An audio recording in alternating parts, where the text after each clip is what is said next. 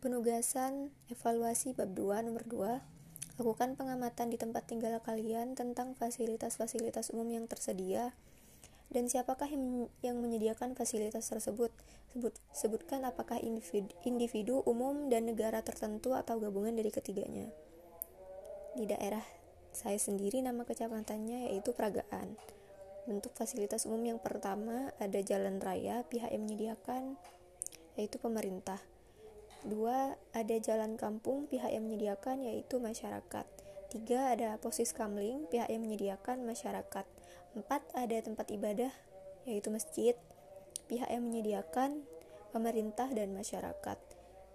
Lima, ada lapangan sepak bola pihak yang menyediakan pemerintah dan masyarakat. Enam, ada tempat pemakaman umum atau TPU pihak yang menyediakan pemerintah dan masyarakat. 7. Ada balai kampung atau RW atau RT, pihak yang menyediakan pemerintah. 8. Ada tempat mengaji, pihak yang menyediakan masyarakat.